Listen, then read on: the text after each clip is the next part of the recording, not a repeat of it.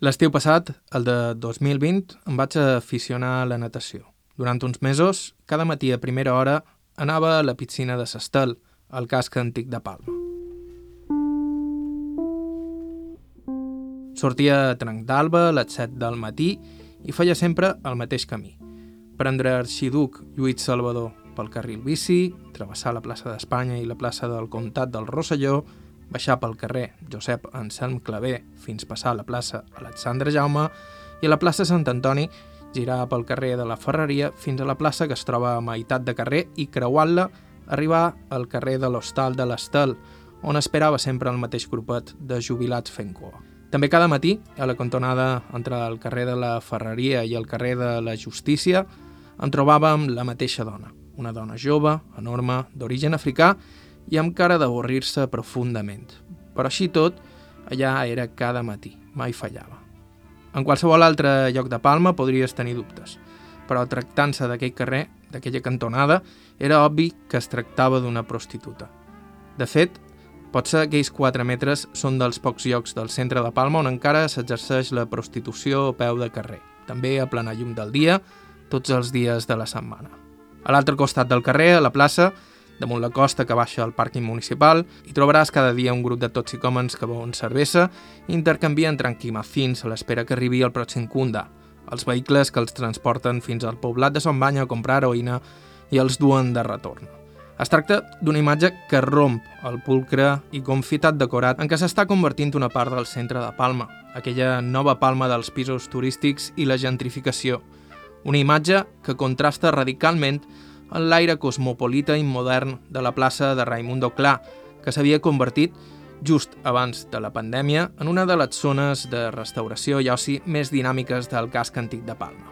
En aquells pocs carrers on es trobava l'antic barri xino i conviuen en uns escassos cents de metres els hotels de 4 estrelles i els moblers on es lloguen habitacions per 20 minuts, els restaurants de moda i els menjadors socials dels sense sostre les darreres ombres d'una palma que s'esvaeix i per la que molts pocs senten nostàlgia, i la imponent presència d'una nova palma en la qual està per veure si els palmesans hi tindrem lloc. I com descobriria prest, res d'allò és allà per casualitat. Ni els hotels, ni els yonquis, ni molt manco les prostitutes. En realitat, tots ells formen part d'una història que ve de lluny i que al llarg dels segles es repeteix com una coda insistent. Em dic Joan Cabot, estàu escoltant Sa Porta, una història cíclica de ciutat en quatre episodis. Aquest és l'episodi número 1 i es titula Una porta és un portal.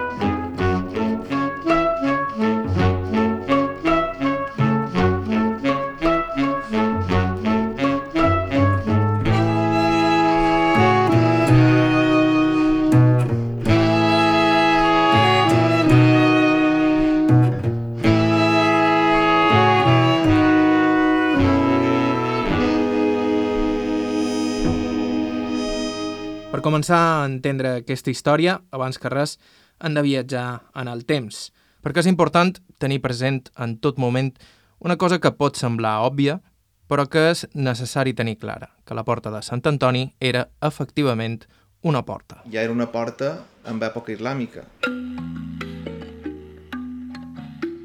Aquest és Bartomeu Bestart Cladera, Tumi Bestart, cronista de Palma. Perquè el recinte medieval era, era islàmic, i allà hi havia una porta. I aquest és l'historiador Gaspar Valero. Crec que poden dir que la porta de Murades, històricament, eh, poden dir que és la més important de l'antiga ciutat de Mallorca. I possiblement ja ho era en època musulmana, per un motiu obvi. I és que conflueixen les dues carreteres més importants, carreteres i camins antics, eh? que són les d'Incalcudi per una banda... L'actual carrer d'Aragó. I per altra banda també carrer de Manacor. És a dir, que a partir d'aquesta confluència, eh, un lloc, a més a més, que era molt tradicional, com les enramades i els hostals, és a dir, que fins i tot fora de Murades també hi havia tavernes i hostals. I, per tant, des d'aquest fora porta, com dèiem, és a dir, fora Murades, davant la porta Sant Antoni, hi confluïen aquests dos carrers, aquests dos camins, mitja Mallorca, eh? o sigui, des del mitjorn, Llumajor, eh, Llevant, Manacor, Artà, tot, eh? Tot el pla de Mallorca, Inca i Arreiguer, eh, Inca i també el Cudi, Vull dir, això és més de mitja Mallorca, eh? per tant, és importantíssim. Des del segle XVII està documentada l'existència de les enramades, unes tavernes situades a la part exterior de les murades, que donaven servei als pagesos que entraven a la ciutat per vendre en el mercat. Hem de pensar que els dissabtes els mercats de la porta de Sant Antoni era espectacular, era el gran mercat de Palma. I ja els divendres venien els pagesos en les vistis, en, en tot viram, en sos porcells, en, so, en tots els ramats, i tenien aquests petits cellers o posades que se deien ser enramades perquè varen començar sent unes cabanes de fusta mal fetes, en coberta d'enramades, en, en branques, enramades de pi o de, o, o de palmera, i a poc a poc se varen anar perfeccionant fins a aquells pòrticos, per entendre'ns que hem vist les fotografies ja de principis del segle XX. Clar, efectivament, allà era un mercat on se reunia mitja Mallorca, i era, un, era el joc de Palmes, en sense cap dubte, juntament amb suport, però eh, la porta de Sant Antoni era eh, la part més colorido, més alegria, on, on hi havia més gent i més, més dinamisme, on se feien les grans gresques i se buia, se buia forta. Molts pagesos feien nit fora Morada, a la zona que encara avui en dia es coneix com els hostalets, per raons òbvies. També hi havia hostals un cop passades les morades, on tot era més cap perquè havies de pagar l'impost d'entrada. Per tant, tot el començament del carrer Aragó eren els hostals. Per tant, com el seu nom indica, pensions, hostals antics per romandre la gent que venia dels pobles i, molt important, pels carruatges. Carruatges, cavalls i mules, també, lògicament, tavernes, tavernes i fondes de l'època, que eren restaurants populars, fora luxe, no? Hi havia espais de Samurada, que hi havia un punxes, hi havia un controls, que punxaven els sacs i els carros de la gent que entrava i això ha generat multiplicitat d'anècdotes i de bregues, perquè no podien entrar una botella de vi, per exemple, sense pagar sense pagar un cèntim d'un impost, eh, que és el que s'anomenava, diversos noms, però bàsicament el que s'anomenava el consum. Dins les murades o sigui, dins ciutat, hi havia també d'hostals de la majoria de pobles. Per tant, a lo que ara deien la gerreria, la gerreria, la ferreria, la cortera, carrer del sindicat també, ja per tant, d'Impalma Antiga, tot això era una zona d'hostals i també de comerç. Punt que encara tenen el nom com el Mercadal, Espès de Sapaia, les benzineres de l'època, si em permeteu, era per alimentar en el bestiar de transport, bàsicament cavalls i mules. Tot això convertia la Porta de Sant Antoni en el punt d'entrada més important de la ciutat, un lloc ple de vida i activitat. Això ho diu eh, Don Diego Zaforteza, que ho va veure, i a part de que és lògic, és a dir, la porta més, amb més flux, diríem, d'entrades i sortides, en diferència, era la de Sant Antoni. Perquè tu penses que la de Sant Antoni arribaven la carretera o el camí de Llumalló. El camí de Llumalló anava vorera vorera la mà, però quan arribava cap a les Llevaneres ja se n'anava cap a Sant Antoni. El camí de Manacor i el camí d'Inca. És a dir, Inca-Manacor, vull dir, són les dues altres capitals importants de Mallorca, era realment la porta de Sant Antoni, podríem dir que era el cordó umbilical en la part forana. La de Jesús que comunicava en la muntanya de la part de Puigpunyent, la de Porto Pi que comunicava en la part més de ponent de Silla, però, clar, el flux més potent, però amb molta diferència, era la porta de Sant Antoni. A més, la porta de Sant Antoni tenia una peculiaritat que no tenia altra porta, que és que tenia dos grans espais de reunió, una de dins la murada i una de fora de la murada. Això era una peculiaritat que cridava molt l'atenció a la gent que, no, que arribava a la ciutat. A lo que és avui en dia, el que deien la porta de Sant Antoni, en la plaça Alexandre Jaume, no? tot aquest espai d'aquí, això era una gran plaça, que més amb molta vida, perquè hem de pensar que els obradors, els artesans, feien feina en el carrer, feien els carros en el carrer, tenien els productes en el carrer.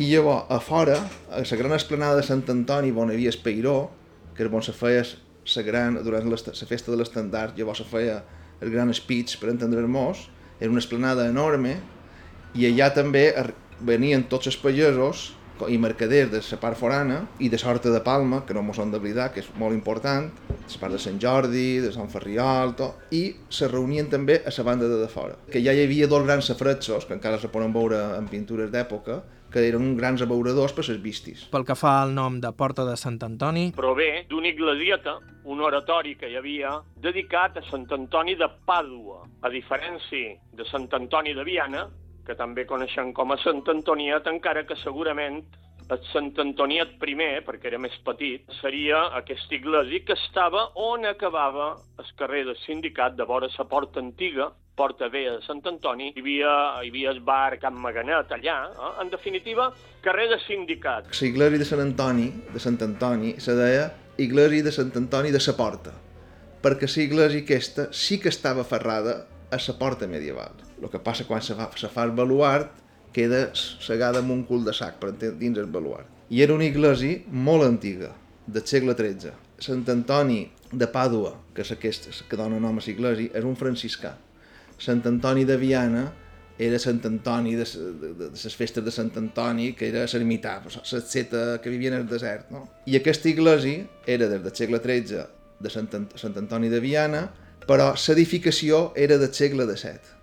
A les fotos la façana és bastant gòtica, però està tot fet en el segle XVII. Dóna nom, d'immemorial, des del segle XIII, dona nom a la plaça. L'església de Sant Antoni de sa Porta desapareixeria juntament amb les murades de la ciutat, que no eren una, sinó dues, i eren una presència constant que condicionava per complet la vida en aquell punt de Palma. Dos recintes de murades. El recinte medieval, que prové de la Medina Mallorca, o ciutat de Mallorca musulmana, anterior Jaume I, 1229, la conquesta, i també la murada medieval. Eh? O sigui, per una banda, recinte la Medina Mallorca, que és el mateix que el del rei en Jaume i és medieval, i per altra, recinte de murades renaixentistes que se va treballant des de segle, des de final del segle XVI, 1575, fins 1801. Les portes medievals, en el segle XVI, quan se fan els bastions, en els baluars, se fa una nova murada, com que diuen renaixentista,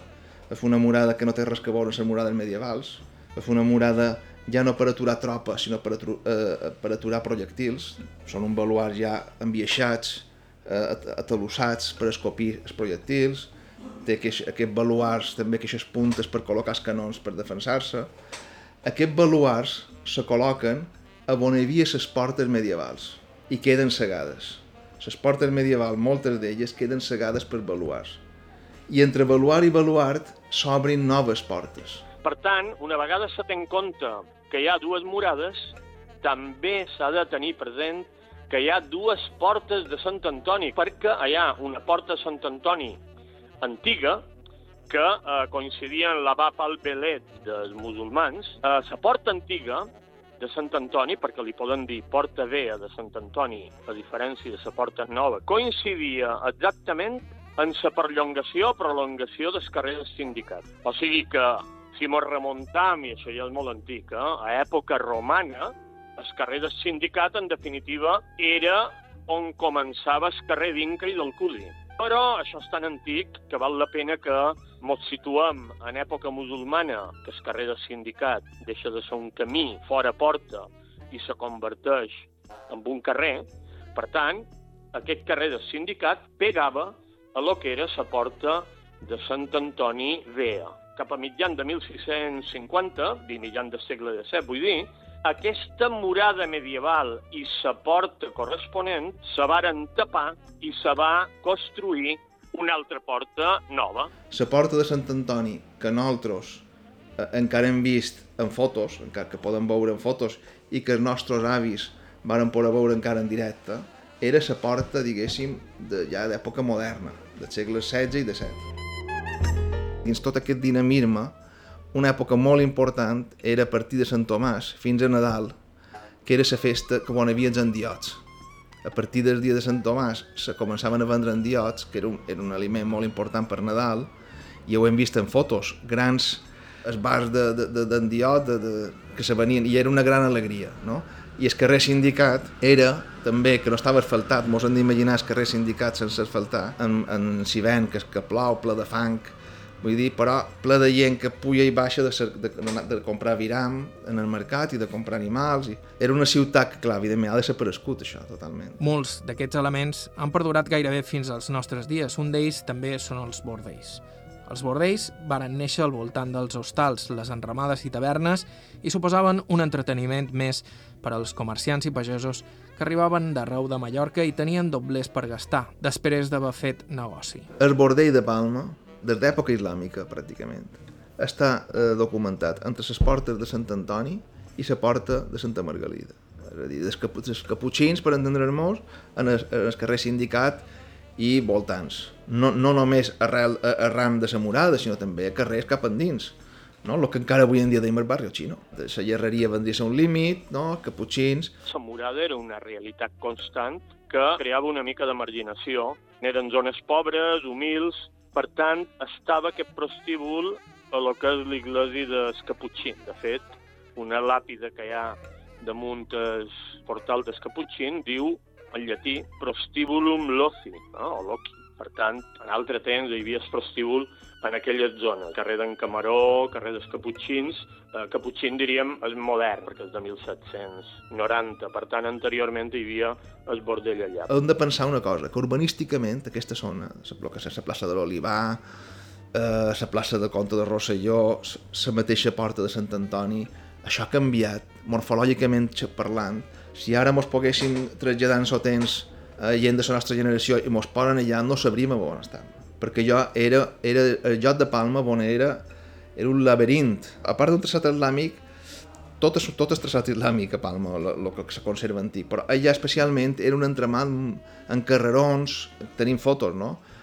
ara me penso en el carrer de Bobians, carrers que han desaparegut completament. Ja acompanyava aquest ambient. Posteriorment se va traslladar també aprofitant això que dèiem, de que és un lloc de vinguda de gent de part forana i un lloc molt proper a les zones màximes de circulació, per tant, la prostitució se va anar traslladant, podríem dir, més cap al sud, més cap a la mà, per entendre's molt. O sigui, el que ara la plaça del Rosselló encara, encara coincideix amb aquesta zona dels Caputxins, just darrere, i va anar passant, curiosament, cap a la zona que estan parlant ara, Porta Sant Antoni, carrer de Socors, carrer de la Ferreria i eh, l'antic carrer dels hostals, l'hostal de l'Estel, per exemple, per tant, a la zona que estan parlant ja ara, que és la Porta Sant Antoni.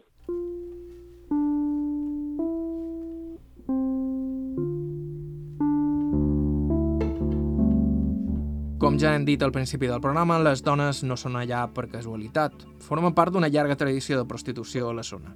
Una tradició que podria remuntar-se a segles. També la pressió urbanística forma part d'aquesta tradició. Hi ha diverses maneres d'explicar la demolició de les murades de Palma i totes elles són vàlides. Hi ha la que parla de raons sanitàries, hi ha la que parla d'una ciutat ofegada urbanísticament i hi ha una tercera versió. D'entrada hem de tenir molt present que aquella era una zona humil, de gent treballadora. Era un lloc de treballadors, o sigui, d'artesans, de gremis, humil, però amb una vida amb una vida d'antic règim al voltant dels gremis, amb les seves alegries i les seves penes, com no. Però, en definitiva, era un lloc eh, bigarrat, viu... Durant segles aquell havia estat el barri dels gremis, així que és també lògic que ja naixessin algunes de les primeres fàbriques de la ciutat. En època ja relativament eh, no vull dir antiga, però fa, fa molt anys ja, eh, aviat farà 200 anys, també aquesta zona és objecte d'edificacions industrials. Per tant, aquesta zona, clarament de, de menestrals, artesania, per tant, no mos estranyi que sigui testimoni d'espàs d'esteller preindustrial a la fàbrica industrial. La sede de, de vora la plaça nova Raimundo Clar, jutjats nous de la gerreria que ocupen el lloc d'una fàbrica, que era la fàbrica d'en Barceló, que té una casa magnífica a la plaça d'en Quadrado. Per tant, hi havia fàbriques que varen ser, a vegades varen ser tancades perquè, perquè la fàbrica s'havia de traslladar cap a, cap a l'exterior, perquè era una activitat nociva. Això suposa també que comença certa degradació de la zona i de pèrdua de llocs de treball. I que quan s'acaba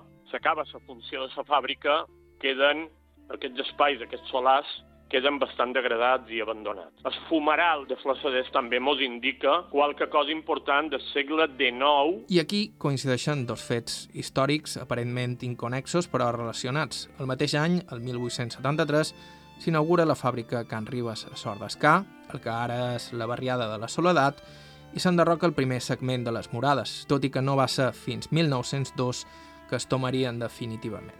Fins llavors, Palma gairebé no havia crescut. Palma, el que és ciutat de Mallorca i Palma posteriorment, des d'època de, islàmica no havia crescut més enllà de les murades.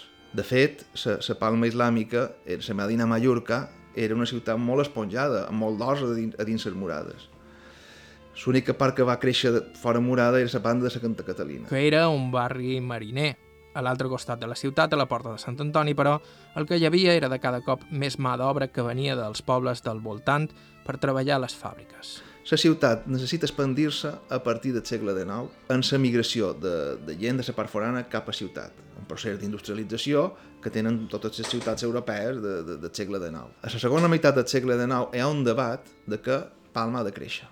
Però Palma té un problema, que és que està totalment emmurallada.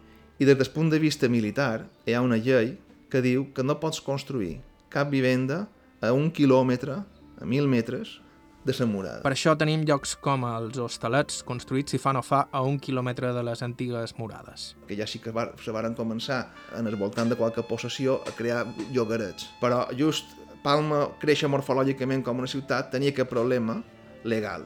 I per altra banda, havia gent com a en Eusebi Estada que propugnava tomar les murades per un tema d'higiene. O sigui, hi havia aquestes dues coses, no? Tomar les murades era matar dos, dos pàjaros d'un tiro, que diu, no? Llevant les murades i poden seguir expandint la ciutat i a part mos llevam un mal de cap higiènic, una, un, un element que, és, que posa entrebancs a la higiene de la ciutat. Això, És la teoria. A la pràctica, el que també se diu, és que clar, hi havia uns interessos immobiliaris molt potents, perquè les murades, nosaltres pensàvem potser les murades del Cudi o de Cap de Per, però les murades de Palma eh, ocupaven una àrea extensíssima, perquè no només és la murada medieval aferrada és la murada renaixentista en baluars, els fossos i els, i els, glacis, els glacis, que és tot un camí de ronda, tot això, vull dir, és un solar enorme, enorme. Hi ha un petit detall que fomenta aquestes sospites, que l'únic punt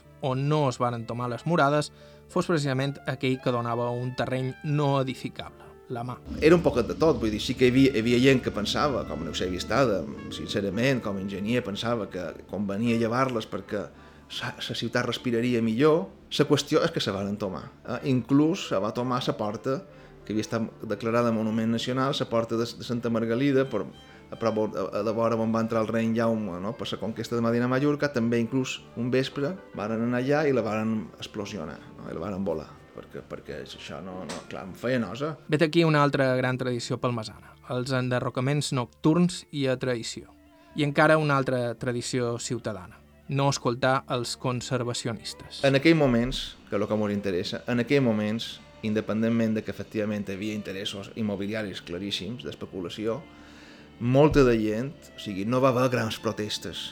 Llevat dels quatre lletraferits de l'arqueològica i de la Comissió de Monumentos, que tenia molta raó i que tenia una visió actual de lo que és el patrimoni, llevat d'aquests quatre no se'ls llevava, no, la gent deia, bueno, no, tampoc els hi sabia greu, no? En, és una tradició també d'aquesta terra no escoltar en en els intel·lectuals i en els lletraferits, és una tradició i així també mos ha anat. Ara tindríem pues, unes murades, pues, de, de, una ciutat emmurallada el millor d'Europa. En aquell moment se va triar l'opció que Miquel dels Sants Oliver, un gran cronista d'aquests barris del Mercadal i de la Llerreria i de la Cortera, ja deia en el seu moment que el tiralínies d'arquitectura planificava carrers i tal i ja començaven a destruir. Havia la part higiènica, però també havia la part de, de brutó.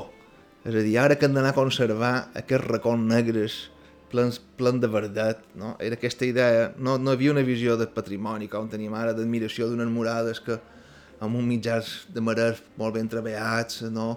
per, per un centenar d'artesans. Clar, això és la visió que tenim avui en dia del patrimoni i, i, i la valoram, però en aquell moment la gent, la immensa majoria de la gent, el que veia era, eren nius de brutó, que deim mallorquí.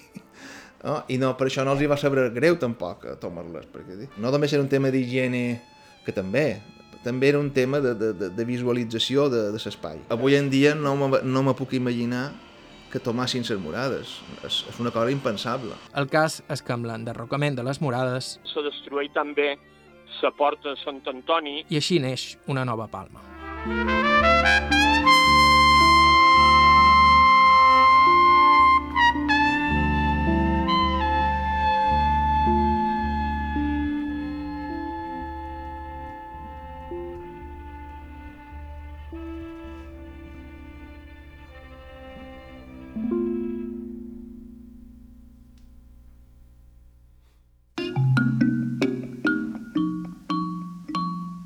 Després de l'esbocament de les morades al 1902, començarien una sèrie de reformes importantíssimes que canviarien la fesomia de la ciutat.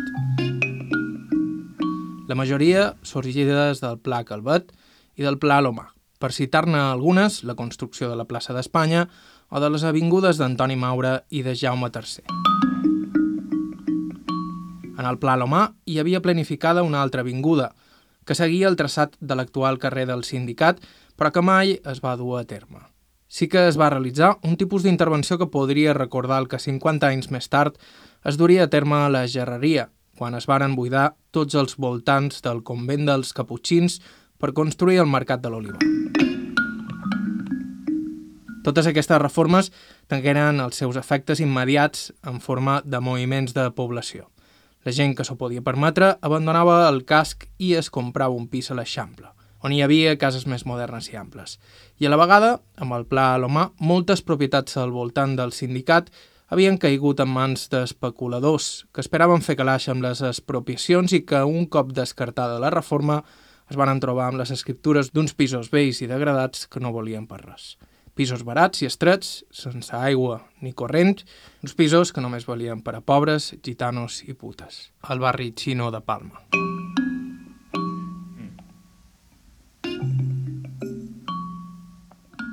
La porta de Sant Antoni ja no era una porta, però encara era un portal, el límit entre dues realitats ben definides, tot i que no sempre enfrontades.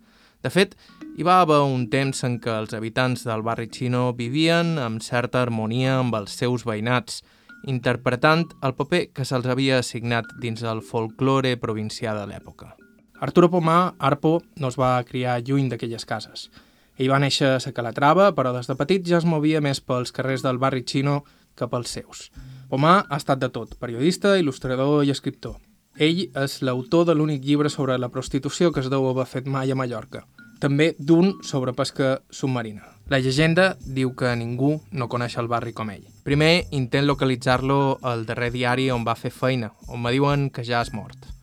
Però dos dies després, el dibuixant Rafael Baquer me posa en contacte amb ell, que clar, es viu. En tot cas, no va d'entrevistes. Me diu que està escrivint un llibre i que no té temps. Insisteix unes quantes vegades més sense èxit, fins que un matí me telefona ell sense avís i me diu que en 10 minuts serà a la bodega Sant Antoni, a la mateixa plaça, i que és ara o mai. Així que m'haureu de perdonar el so, però és el que hi ha. Aquesta és Arturo Pomà, no confondre amb el seu cosí, el cèlebre jugador d'escacs. Mira, jo he conegut moltíssimes dones. I he conegut dones impressionants, perquè són molt banyes. Mai he estat un putera. Mai. No me va. Ho he intentat. Arpo és, tot i que ell mai va formar part d'aquest club, la veu d'aquells homenots temps que fumaven puros i bevien JB fins a altes hores, alternant amb les prostitutes mentre les seves dones esperaven a casa amb els fills. Ell, des de jovenet, sentia fascinació per les dones que exercien a les cases del barri, arrel d'un fet fortuït. Jo quan tenia 15 anys, com més o menys, de que edat, podien ser 14, sempre per escom...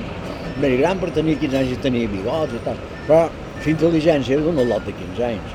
I jo tenia, venia un tio, un cosí meu, que vivia a Major, i quan ell davallava, davallava les primeres lambretes que se varen fer. Dormia a nostra. I se quedava el fin de setmana tres dies, perquè feia setmana feia les hores contínues una cantera que feia. I se quedava a nostra. Com venia sempre em donava un duro. Els de 13 anys, que tot, no? un duro per jo era un duro, aquell temps. I jo tenia el costum de que venia de la calatrava de que meva, venia per la paia i em fotia pel carrer de, de Santanyí, travessava i, trava, i, i travessava, travessava aquest carrer d'aquí, el carrer de, la Ferreria.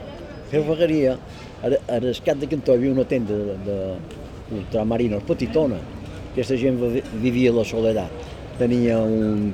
Som molt ferit. Tenia un hort i tal, i clar, venia la verdura venia la... Quan me veien ja estaven contents, perquè me feia un cartutxo, la dona me posava bessons torrats, que, que eren de Can aquest botó ja no sé te venia a Besson cada dia, i me posava filles seques, i allà per jo era un bocata de cardinal. M'encantava. Un dia verenguem per dins el barri, a una... a dins una escala vaig, vaig sentir que me cridaven, era una senyora catalana. Diu que mon germaco, i era una espècie de magatzem, que n'hi havia molts, per dins el bar tot era un magatzem de comerciants, però era un magatzem arreglat amb un llit per allà de dins i tal, i jo la vaig convidar a menjar, ah, això és molt bo, tal i que tal. Això després me'n vaig donar compte que no m'hi Diana. I les portes dels les tenia pintades de verd. Jo quan vaig entrar de dins vaig veure un llit, vaig veure un orinal, una mesita de noche mal arreglada, un farolot de la mesita de noche, un metgero, un, un cenicero plat de llosques, i després va veure un cordons penjats de part a part, uns cordons, i aquests cordons hi havia condons preservatius penjats, amb, amb, amb, amb d'això de talco. Jo no sabia què era, de conversa amb franquesa. Després he anat coordinant. I allò, clar, ja se movia perquè feia un poquet de vent i tal. I, tal. I, i la dona em diu, això són preservatius. Diu, quan sigui gran ja sabrà el que és. No, anar tot, tot endallat. A, mi, a mirar un diccionari de que vaig trobar tot d'una. I com era? Era se, tots els pagesos venien a fer feina aquí i duien la verdura, els animals a la part de, de sa, del carret del sindicat, l'Assa Major, allà anaven agafant a fer, a fer la seva feina, i allà venien animals i venien tot això, i era una... se donaven sa mà, si no, també no te bastaven, pagesos. Te deien, la setmana que ve mos veurem amb el que quem, pam, pam, pam, allò era sagrat. I després s'anaven a dinar, i anaven a dinar generalment a Can Comas, que estava a aquest carrer, a el carrer de Socorro. També hi havia la Font d'Espanya, també hi havia una altra font que se diu Carmones, però venia, generalment aquest s'enduia de Palma. I després aquí hi havia un bar que era Can Salat que hi venien a jugar cartes. I tot el que havien guanyat el fotien aquí. A molta cosa, molt de pagesos d'aquests. Anaven a pagar polvet, el vent que no faltàs. I clar, ahir per, per aquí damunt hi havia les Madones, hi havia gent molt antiga, hi havia la Rufina, que era una de les putres més antigues del barri. Després hi havia una que li deien de Belgallot, que no tenia que res que veure amb aquella del bon que pagava bons i tot això. Era una gorda, anava vestida de saldo sempre, perquè ja eh, el senyor Rosselló ja havia posat dos saldos. Eh, una sèrie de putes més, després van començar a venir putes de la península, un poquet més bones, va que no tenia aigua per rentar-te les colones. No hi tenia aigua. Hi havia, se, dia, se deien les, palanganeres. Hi havia un fogonet, amb aquest fogonet hi havia aigua calenta i unes palanganes, i aquestes palanganes paraven per manganat i te feien net. I ella sabia una palangana a part, a dins la mateixa, també se feia net el que s'havia de fer i així, i així funcionava aquesta cosa. Però moltes inclús d'aquestes cases no tenien ni electricitat. I a les carrers hi havia unes manxetes per anar a cercar aigua. I aquí, per exemple, a les aquest d'aquí, n'hi havia una a de vora Can Comes, aquest, la casa de menjars, una altra a la plaça allà on hi ha l'Iglesi, i després una altra a la plaça de la Paia. N'hi havia tres de manxetes d'aquelles. Després n'hi havia una altra a la plaça de les Mongetes, de Sant Francesc, que de la plaça de les Mongetes hi havia unes monges, no, no sé si era mongetes per les monjitas, no sé per què, que també anava gent a vendre coses. Així que si volies aigua havies d'anar a aquest lloc amb una xega, un pol, a cercar aigua perquè teva, per beure tot això. La xega no, tenia, no tenien. Jo quan vaig néixer a les carrers, aquí a la trava, jo no tenia aigua que meu, tenia una font que ho teníem el primer pis, el segon i la planta baixa. Els altres pisos de dalt, que hi havia quatre pisos, ja no tenien, ja no tenien aigua. I doncs hi quedava més remei, o de me do pareta, me vol donar un... Ma mare donia pareta. Un pol d'aigua o tal i que qual i se donava aigua. Però ja no n'hi havia. T'havies de dutxar de qualsevol manera i rentar de qualsevol manera. No se va improvisar, inclús mon pare va improvisar una dutxa i tot això, eh? dins un quartet, hi havia un quartet que era allà on molt cantàvem, hi havia una palangana, un mirall, un... totes aquestes coses. I, i, i així anàvem passant. Això era... I el barri aquell, jo sé, el barri quasi, quasi estaven juntats en sort de... en sort de que la trava estaven juntats en sort d'aquí. perquè jo quasi, quasi he tingut més amics aquí que no dins que la trava. A la cultura del tardofranquisme, anar de putes era una cosa bastant habitual. Per a molts homes, gairebé un ritus de pas. Era molt habitual anar de putes, anar a sopar i anar de putes, anar a Can Meca, a Can Comes, i anar de putes. Hasta hi havia pares que duien els fills, antes de que es Però mon pare, què potes sagrades, ven, vine jo. Ja hem Mercedes aquest, dut tot per amunt. I després quan davallava, què, com t'ha anat? Però sembla que no és coronada, és veritat. Nosaltres, els al·lots, quan jo era al·lot, jugàvem amb un equip de futbol, se m'agrada molt el futbol, jo, som del Mallorca matar. Som una persona que ara va perdre el Mallorca, quan de casa va plorar batudeta. Bé, però això és una altra història. Però jo sempre he jugat a futbol, havia un equip que es deia l'Huracan, i jo jugava amb l'Huracan, però eh, eh, me feien sortir a bocinets. I quan acabàvem, quan acabaven els partits, ens ficàvem per dins el barri, l'os, i pujàvem amb una dona, tot l'equip, i estàvem tots a dins una, a dins una drets i de dues cadires. Però creuries que aquesta dona de vegades li deien la Rufina, era molt, molt, molt antiga, una dona molt antiga. Vivia un primer pis i, i hasta havien arribat a fotre cadires pel balcó i solla de l'aigua, tot era un cachondeo, no, no fotien res. I, i què? I no s'enfadava, i aquests lots i tal, i mallorquina, era mallorquina, tenia un lot que no havia, era coixot, i jugava amb nosaltres a futbol i tal, i corria més que tots nosaltres. Llavors, era el seu fill, i, i nosaltres jugàvem aquí, amb en Gaspar d'Esforn, que té en Gaspar, el cosi seu, l'Arita, tots eren, tots vivien per aquí. Com però entraves dins el barri eh? i podies, podies anar ben tranquil i ben, ben, ben, ben, ben eh, no passava res. Quan, I la policia voltaven les guàrdies davant i quan veien això les dones, tot ho deien, tot una tancaven les portes. I... En aquells anys la policia primer pegava, després demanava. I després dins els cotxes ja te començava a fer un hàbil interrogatori. I va arribar una xerrera de soledat, te fotien dins els, els calabossos i allà ja t'acabaven d'arreglar. Era un, era un barri que era Sarrià, no? Tot per el Zaló, per ser, per mos fotien per aquí de dins, quin tall són de verges. I me fotreu un pol d'aigua, de l'àder d'aquestes, no m'entén. I després van començar, van començar ja dins una època començar a venir marinos americans i gent d'aquesta, i tot, tot això, quan van començar a venir uh, marinos d'aquests, varen començar a guanyar dos veces, varen començar a arreglar cases.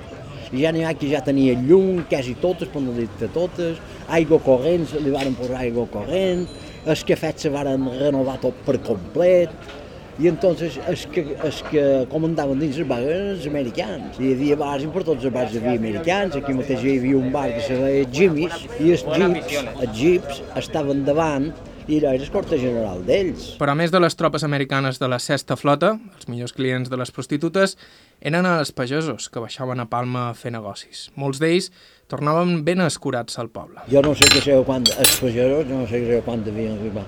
Els pagesos, així com fotien d'obbe, anaven a menjar a Meca, anaven a, aquí a Can Salat a jugar cartes, i no el que fotíem més de peso, en les cartes. Aquí quan de verano hi havia en Pell Llosca, que era mallorquí, era un fenomen és. Anava fent molt de nets jugant a cartes. Eh, eh? Anaves cancel·lat aquí i t'assustaves, hi havia qualcosa. Aquí, no, en les putes, perquè putes van de poder pegues un poble, s'ha acabat. No tres hores anant de res, no, no, quan t'has buidat, t'has buidat. Si buides, i si no, volveràs mañana, tal que qual, no t'ha anat bé res, perquè n'hi havia voltes que parlaven a mallorquí, aquí, quan jo te com. Després van començar a venir valencianes i, i catalanes i, i, i després ja de més, amunt de, de més amunt de la península. Però quan jo te com, de fora esteses, n'hi havia, però molt poques. Anava per allà i teníem de sortir, que res, hem d'anar a pegar un polvet. No, me donen encara no que fer pagar. Sis pessetes o set pessetes o tres pessetes, no sé, aquí. Això no, només en ducons, ah, dona'm què sí, sí, set també. El preu habitual, en general, eren 13 pessetes. Segons en Arturo, però... Quantes tot volaven baixos hasta per 7 pessetes i podies anar. La casa de putes més important dins el barri era el 5. Un, un, un mobler que se deia 5. Hi havia un 5, carrer de Santanyí. Era el mobler més important del barri.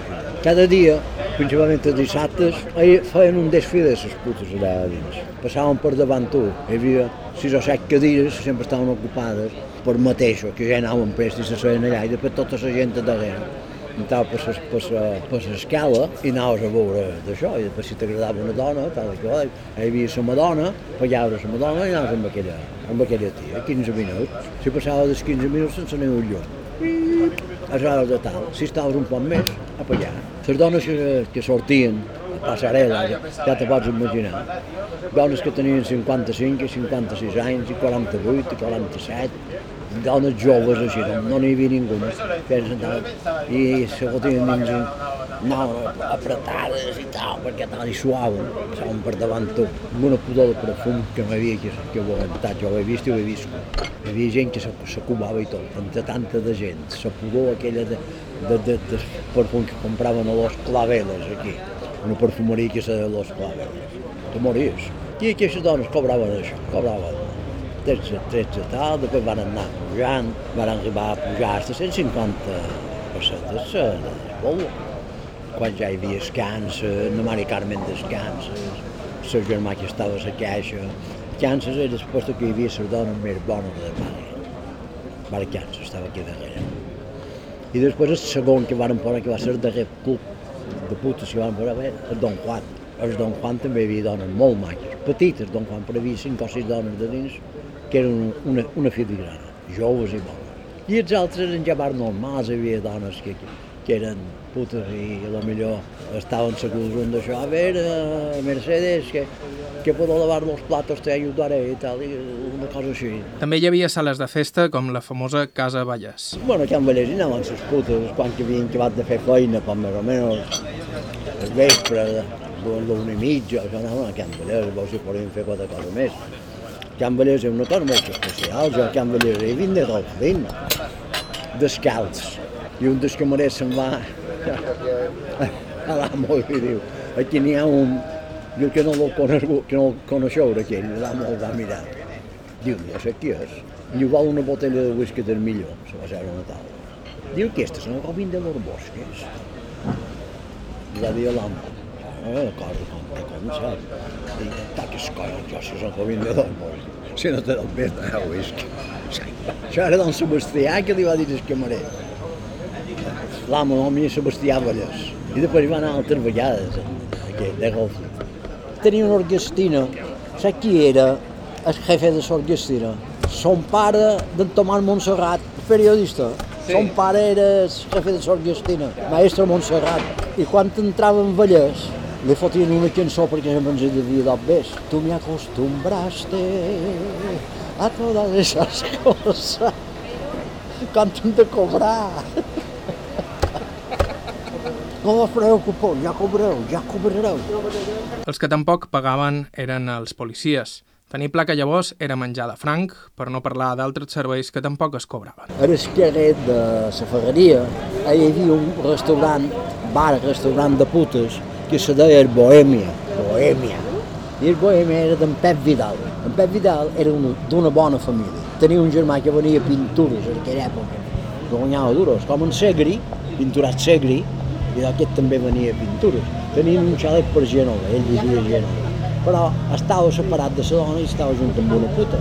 Ara aquest bar tenia, era bar, després muntar els quatre escalons i tenia una mica de restaurant. Hi havia una taula i, un, i quatre taburets. I darrere hi havia una cuinera grossa, sabe?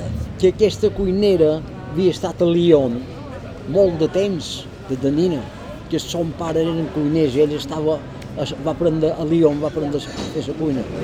No m'hi Margot, i feia menjar, i el feia molt bo. No feia menjar de quatre plats, no, te farà croquetes, te feia bistecs així com volies, si volies un bogavante, tots anaven les putes descanses i feien no, unes, unes, unes gambes a la planxa, perquè ha molt d'obres, sap dels americans, i feien no. I eren putes molt bones i ben vestides, eren meravelles. Parlant de la policia, hi anava un, en Carrillo, que era així de petitot, duia una pistola fins aquí, era una parabellum, era més grossa el parabellum que ell. I entrava allà, pec, tenc qualque cosa per dinar.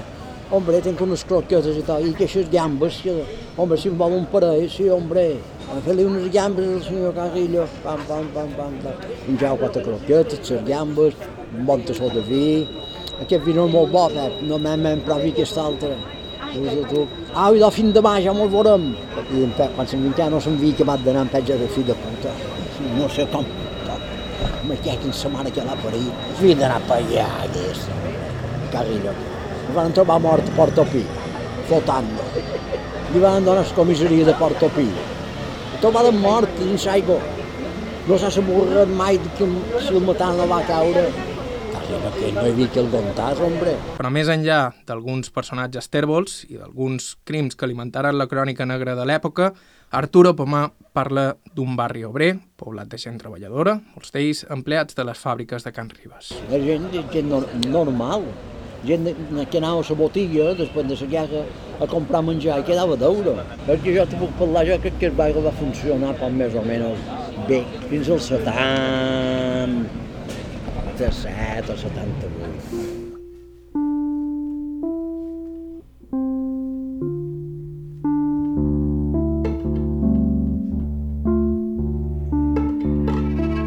Passa més o manco en aquella època que va arribar a Palma Naema. Per raons òbvies no ens deixa dir el seu nom, tot i que és una de les transsexuals més veteranes del barri i tothom la coneix allà. Actualment ja no exerceix, M'explica que només té un parell de clients habituals de tota la vida, però que amb l'aparició de la Covid va decidir retirar-se. Quan va arribar a Mallorca ja ho va fer com a dona.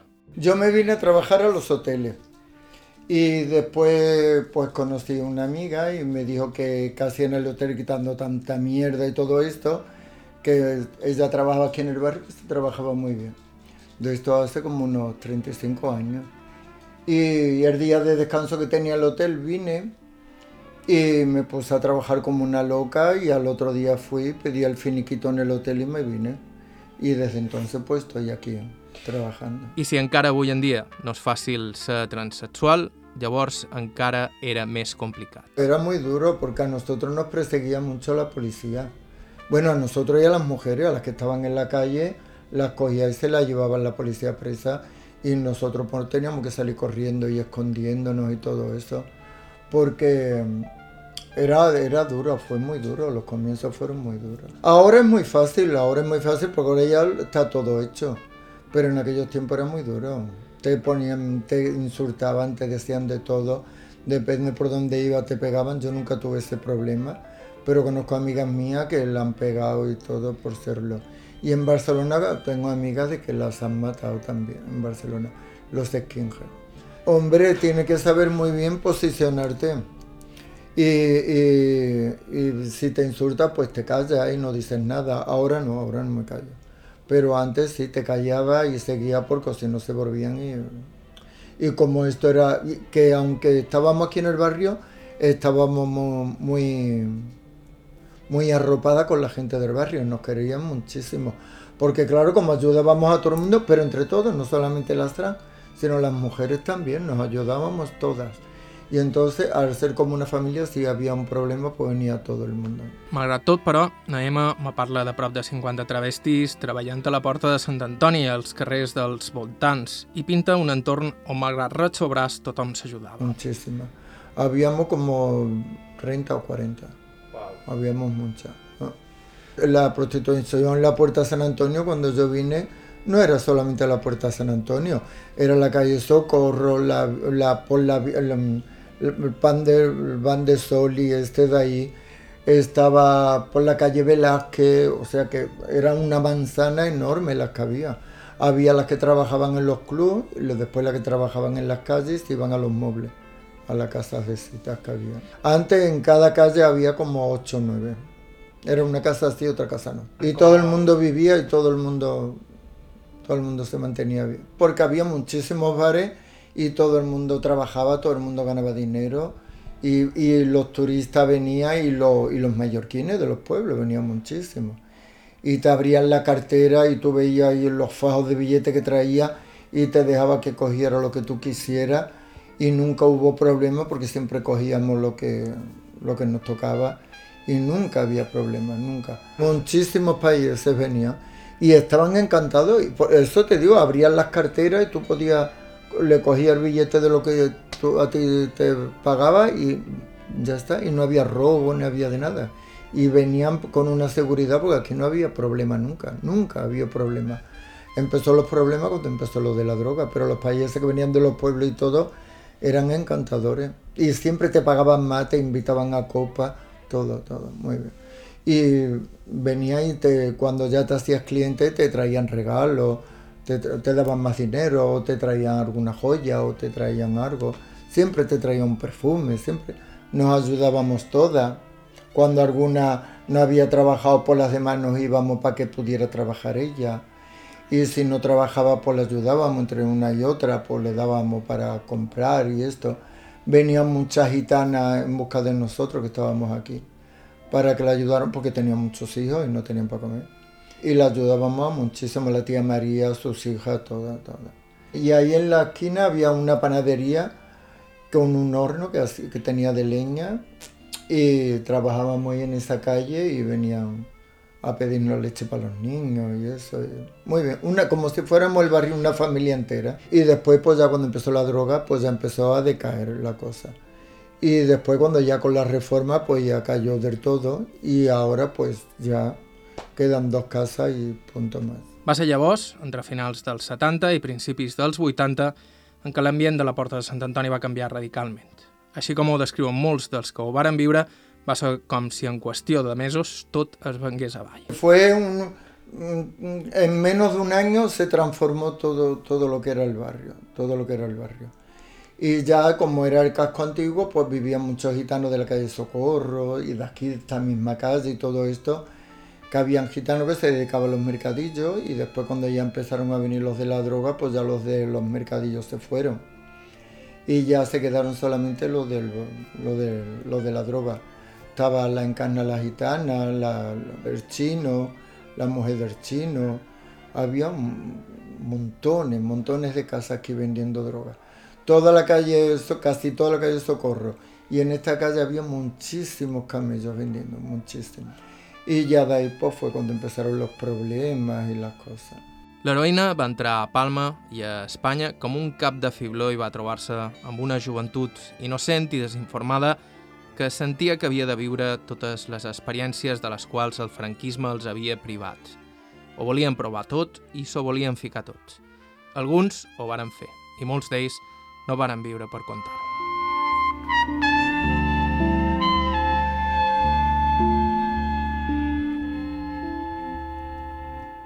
La setmana que ve, a sa porta, els anys de l'heroïna al barri xino de Palma.